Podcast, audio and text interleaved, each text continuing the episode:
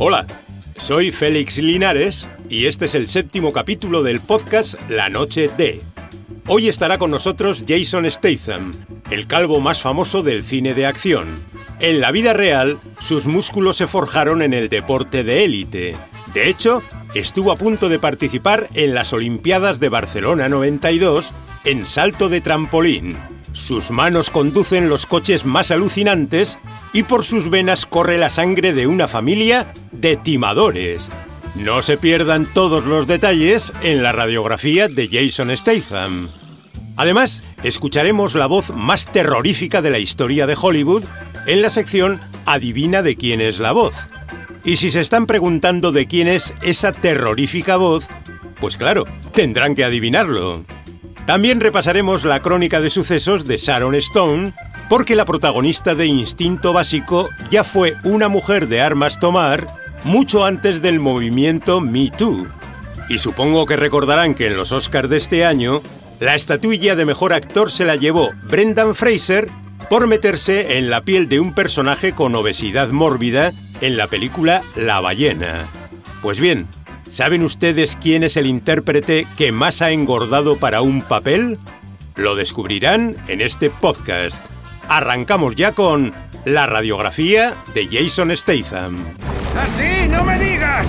La calva de Jason Statham es la más famosa del cine de hoy, sobre todo ahora que Bruce Willis se ha retirado. Últimamente hemos podido ver el reluciente cráneo de Jason en pantalla grande en la reciente Operación Fortune. Orson Fortune. ¡Qué nombre tan sexy! Le llaman el calvo más sexy del cine. Y se lo ha ganado con las sagas de Transporter, Los Mercenarios o Fast and Furious, en las que a menudo vemos sus manos al volante de magníficos coches. Algo que también sucede en la vida real porque Jason Statham tiene una impresionante colección de coches de lujo. Fijaos, qué colección. Aquí hay alguien acomplejado, ¿eh? ¿Y tú qué sabrás, enterado? En Fast and Furious Hobbs and Show, Jason conducía uno de los coches que tiene realmente en su colección, un McLaren 720S, que puede alcanzar los 360 km por hora y que cuesta unos 300.000 euros. También tiene un Ferrari F12 Berlinetta un Porsche 911 GT2, un Lamborghini Murciélago LP640 y al menos dos Jaguar. Pero para sus trayectos cotidianos, Jason se conforma con un Audi A8, un coche que para otros sería un auténtico lujo y que él utiliza como utilitario. Y aquí uno pequeñito, justo de tu talla. Lo usé para un trabajo en Italia. Esa frase es un chiste para fans de Jason Statham porque es verdad que condujo un pequeño mini en la película The Italian Job. Pero dejemos los minis para señalar que es la supermodelo británica Rosie Huntington Wiley la mujer que ocupa el corazón de este actor. Llevan ya 13 años juntos, tienen dos hijos, ella es 20 años más joven que él y curiosamente también la hemos visto entre coches espectaculares en Transformers 3 y en Mad Max Furia en la carretera. Sin embargo, conduciendo su propio coche hace solo unos meses, Rossi cometió una vergonzosa infracción de tráfico por la que le han llovido las críticas. Pues dilo ahora. Dilo. Enseguida les diremos qué infracción cometió la novia de Jason y dónde se conocieron. Y se van a sorprender con ambos datos. Pero antes sepan que Jason Michael Statham nació en el condado inglés de Derbyshire hace 55 años. Ya de pequeño era muy hábil con los pies y jugaba al fútbol maravillosamente. Hola, señor monje. ¿Sabe jugar al fútbol? Sí. Luego le vimos jugando al fútbol en la película Mean Machine con el exfutbolista y actor Vinnie Jones. Y sepan que de niños los dos eran vecinos. Vivían casi en la misma calle y fue Vinny quien convenció a Jason para que se apuntara al equipo de fútbol del colegio.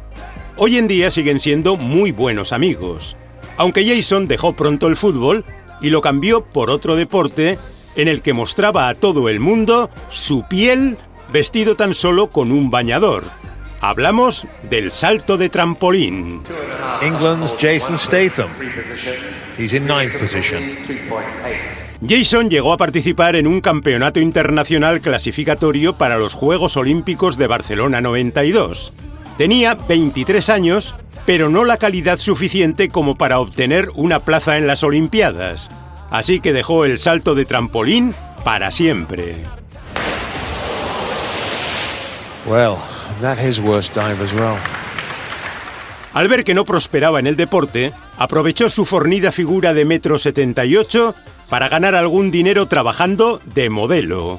Pero no en las grandes pasarelas internacionales, sino en modestos catálogos para grandes almacenes. También salió en anuncios de televisión y en algunos vídeos musicales. Y en momentos de necesidad llegó incluso a ganarse la vida con timos callejeros. Hecho a mano en Calcuta, robado a mano por algún hijo puta. En plena calle, el joven Jason vendía simple bisutería, pero fingía que eran joyas robadas para sacar más dinero a los compradores. Y la habilidad para el engaño la llevaba en la sangre de sus venas, porque sus propios padres también fueron timadores. Ni se te ocurra hablar de mi madre o te incrusto en esa pared. Su madre, Eileen Yates, fue de joven bailarina en espectáculos de variedades. Y su padre, Barry Statham, trabajó como pintor de brocha gorda, minero en minas de carbón y cantante en hoteles de las Islas Canarias, entreteniendo a los turistas ingleses allí alojados. Pero cansados de esos trabajos, los padres de Jason Statham optaron por organizar subastas falsas usando compinches en las pujas para inflar los precios de productos sin verdadero valor y ganar así un auténtico dineral a costa de los incautos que los compraban. Venga, todo al mismo precio. 10 libras. ¿Has dicho 10 libras? Tenemos un sordo, señores. Vaya chollo, quiero una. Menéate, quieres pierna izquierda a la derecha y tu cuerpo la seguirá. Es la hostia, lo llaman a andar. Todo lo que aprendió de sus padres y de sus propios timos callejeros lo pudo utilizar Jason Statham en el casting de su primera película. Fue Lock and Stock de Guy Ritchie. Y como su personaje era un timador, Jason soltó en aquel casting los mismos discursos con los que engatusaba a sus clientes en la calle, y no solo convenció a Ritchie para que le diese el papel, sino que además el cineasta le compró cuatro relojes falsos impresionado por su labia, lo que demuestra que este actor tiene la lengua muy ágil. ¿Qué hay en el coche? Asientos y un volante. Snatch, Cerdos y Diamantes fue su siguiente película. Desde entonces fue progresando como actor hasta convertirse en la estrella que es hoy en día. Y siendo ya famoso, Jason Statham abrió sus ojos marrones para ver por primera vez a Rosie Huntington Wiley no en un rodaje ni en una alfombra roja, sino en un festival de música. No hay nada que contar. Podemos contarles que Jason y Rosie se conocieron en el californiano festival de Coachella del año 2010. Ambos acudieron allí como simples espectadores, y entre concierto y concierto, el actor sedujo a la modelo no por sus músculos ni por su fama, sino, en palabras de la propia top model, porque me hizo reír a carcajadas. Parece un tópico, pero nos lo vamos a creer. Porque además de ser un tipo muy duro, este actor también sabe ser muy divertido. Y lo ha demostrado en comedias de acción como Espías, riéndose de su propia imagen de duro, con diálogos tan desternillantes como este. Una vez me apliqué solo un desfibrilador y otra me saqué unos cristales del puto ojo. Me he tragado tantos microchips que habría podido cagarlos y montar un ordenador. Este brazo me lo arranqué por completo. Y joder, lo volví a unir con este brazo. Dios, qué duro eres. Y he cogido esto del minibar. Hace falta ser valiente. Aún no hemos dicho cuál fue la infracción de tráfico de Rosie Huntington Wiley. Y lo cierto es que la pillaron aparcando su coche en una plaza de aparcamiento para personas con movilidad reducida. Por haber aparcado ahí, podemos terminar esta radiografía señalando que la novia de Jason Statham y seguramente el propio Jason tienen los dos mucha cara. Corto y cierro. La siguiente sección es un divertido reto para todos ustedes. Escucharemos la voz de varias estrellas, su voz auténtica, y les daremos unas pistas para ver si adivinan de quién es esa voz. Y luego, claro, les daremos la respuesta. Un reto para sus oídos y para su memoria de amantes del cine en la sección Adivina de quién es la voz. True Love's Kiss. La voz que acabamos de escuchar es la de una bellísima actriz calificada en su momento como la mujer más sexy del mundo. Y le dieron ese título, entre otras razones, por la seductora voz ronca que la caracteriza. Por eso la contrataron en la saga de Kung Fu Panda para poner voz en la versión original en inglés de estas películas al personaje de la tigresa. Escuchemos su voz atentamente. You don't belong in the Jade Palace. You're a disgrace to Kung Fu, and if you have any respect for who we are and what we do, you will be gone by morning. Para que adivinen de quién es esa voz, podemos darles las pistas de que es una mujer de ojos verdes, pelo castaño y metro sesenta y nueve, que a punto de cumplir 48 años de edad tiene dos Oscar y que curiosamente dijo en una entrevista que tenía una voz débil. Pero precisamente por eso, como reto personal, aceptó un papel para el que debía trabajar su voz a fondo hasta hacer que sonara atronadora. Y ese papel era el de Maléfica.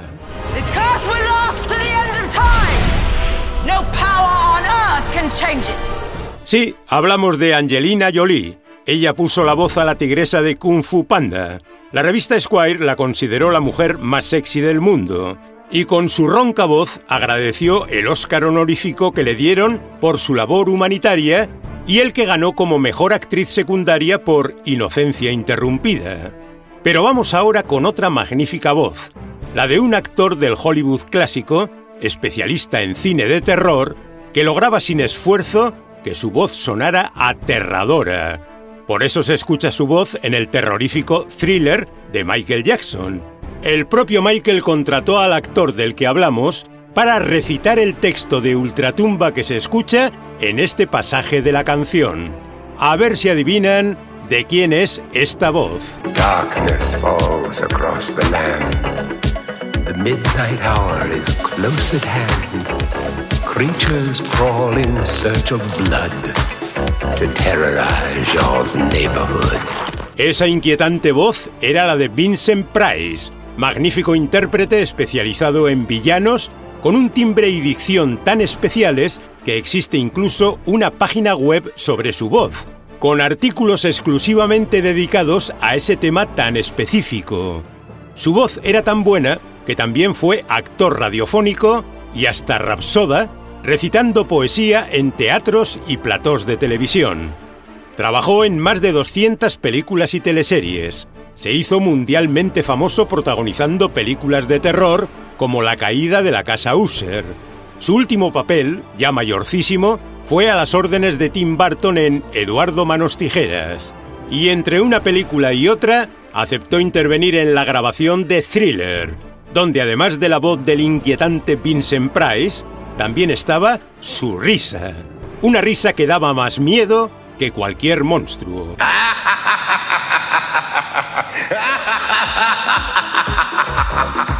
Una vida que merece ser contada es la de Sharon Stone. Además de protagonizar Instinto Básico, peleó por su posición en Hollywood antes del Me Too. Ha vencido a las enfermedades más terribles y ha estado tres veces a punto de morir. Lo contamos ahora mismo en la crónica de sucesos de Sharon Stone. Ya estoy lista. Sharon Stone ha estado tres veces a punto de morir en otros tantos momentos de su vida. Y lo ha revelado en su más reciente libro de memorias, La belleza de vivir dos veces, donde explica que esos tres momentos al borde de la muerte fueron por un rayo, por un accidente de equitación y por un ictus. La protagonista de Instinto Básico nació en un pueblo de Pensilvania llamado Medville, y aún vivía allí con sus padres en una humilde casa en el campo cuando le cayó un rayo mientras estaba planchando. El rayo cayó, para ser exactos, en el pozo del que tomaban el agua justo detrás de la casa. Pero la electricidad se transmitió a través de las cañerías hasta la entonces joven Sharon Stone, que estaba en ese momento en el fregadero llenando de agua la plancha.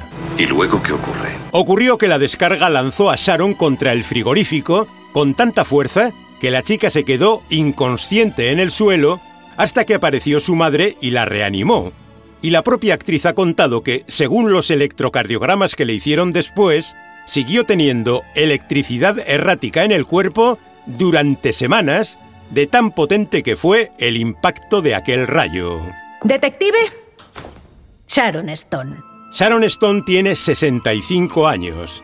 Es la edad a la que algunos se jubilan, pero ella los ha cumplido encadenando trabajos en cine y televisión, como en Murderville, donde hizo de sí misma, en la prestigiosa serie Ratchet, inspirada en Alguien voló sobre el nido del cuco, o en El nuevo Papa, donde Sharon nuevamente hizo de sí misma. Señora Stone, por favor, le estaré eternamente agradecido si en el transcurso de nuestra conversación procura evitar descruzar y recruzar las piernas. Las palabras que acaba de pronunciar John Malkovich en El nuevo Papa hacen referencia a la escena más famosa de Instinto Básico, la que convirtió en una leyenda del erotismo a esta mujer de ojos azules, pelo rubio natural y metro setenta y cuatro de estatura aunque a Sharon la contrataron para Instinto Básico de rebote, porque antes le ofrecieron el papel a otras 14 actrices más famosas que ella en aquel momento,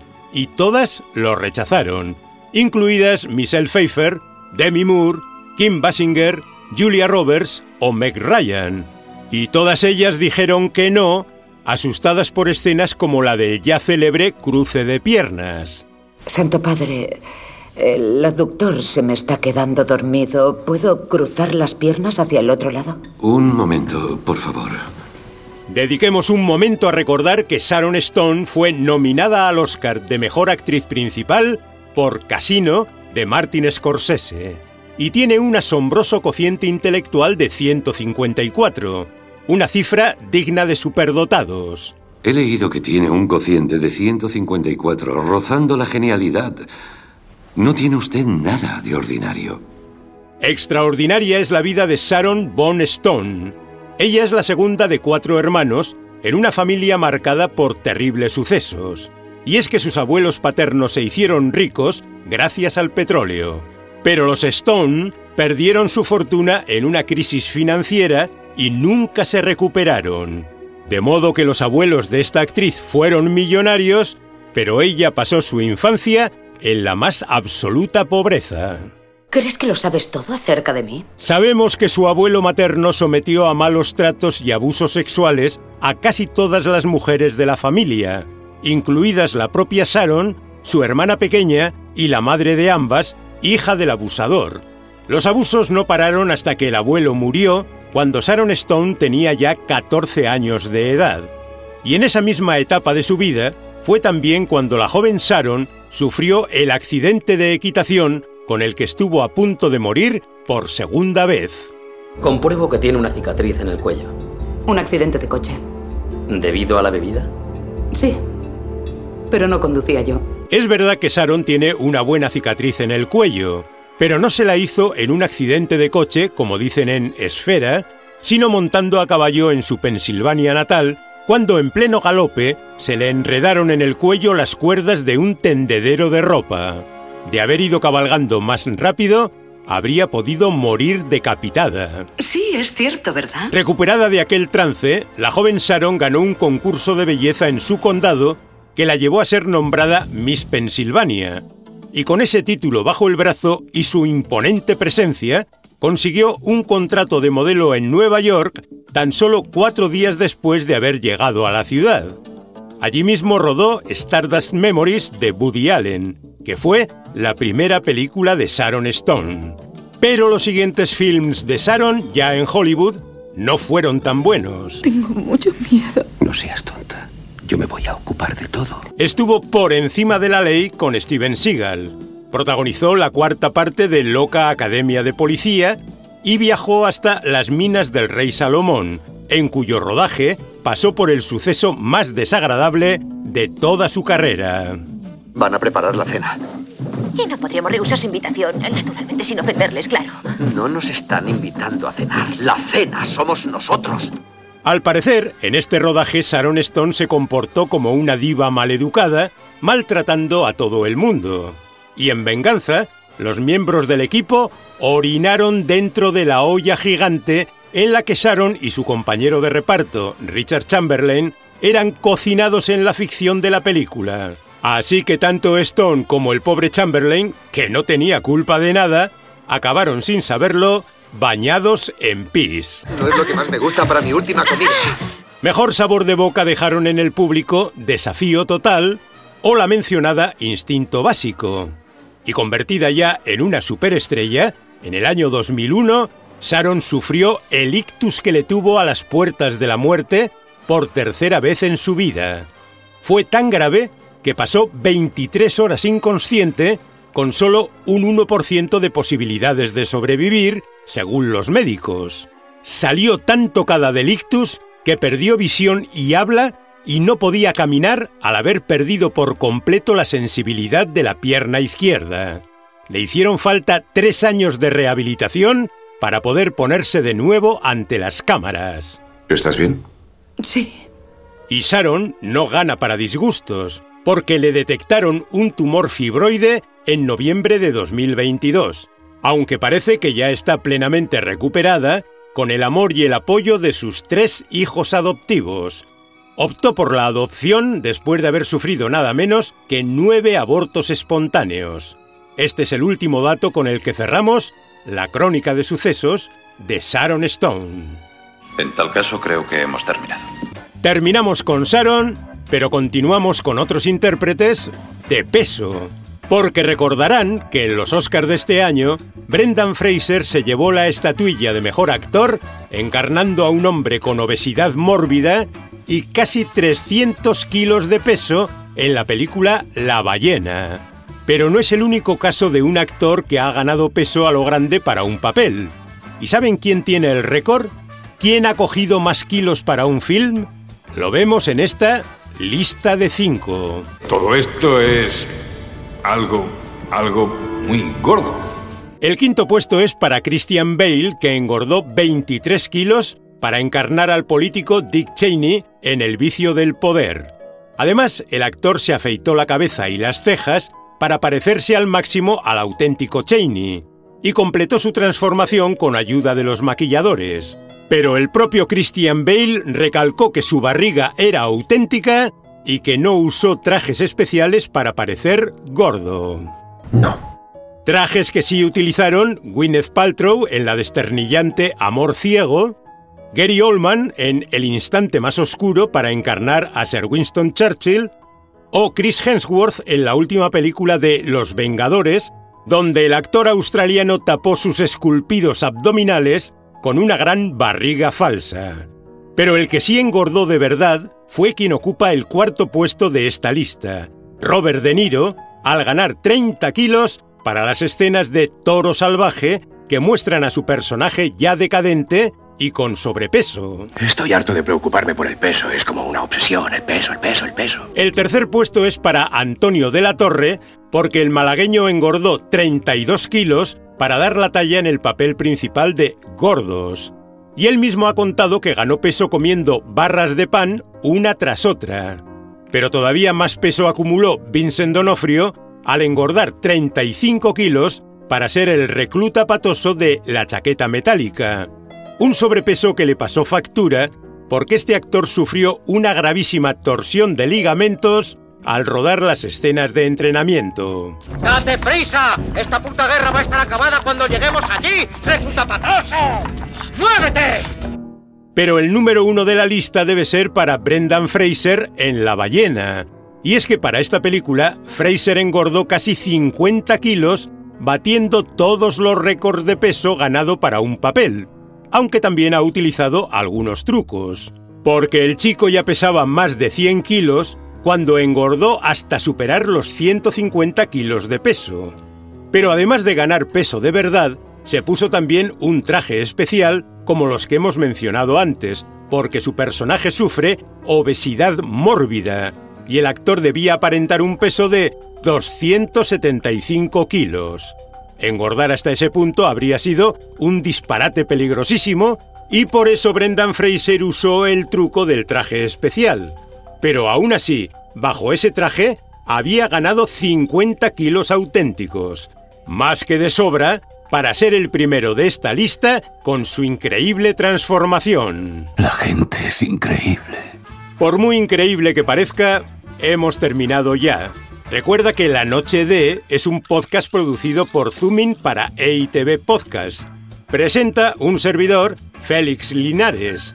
El guion es cosa de David Erauskin y Eduardo Llorente, y dirige el propio Eduardo Llorente. Suscríbete y escucha La Noche de en EITV Podcast o en la plataforma que prefieras. Un saludo.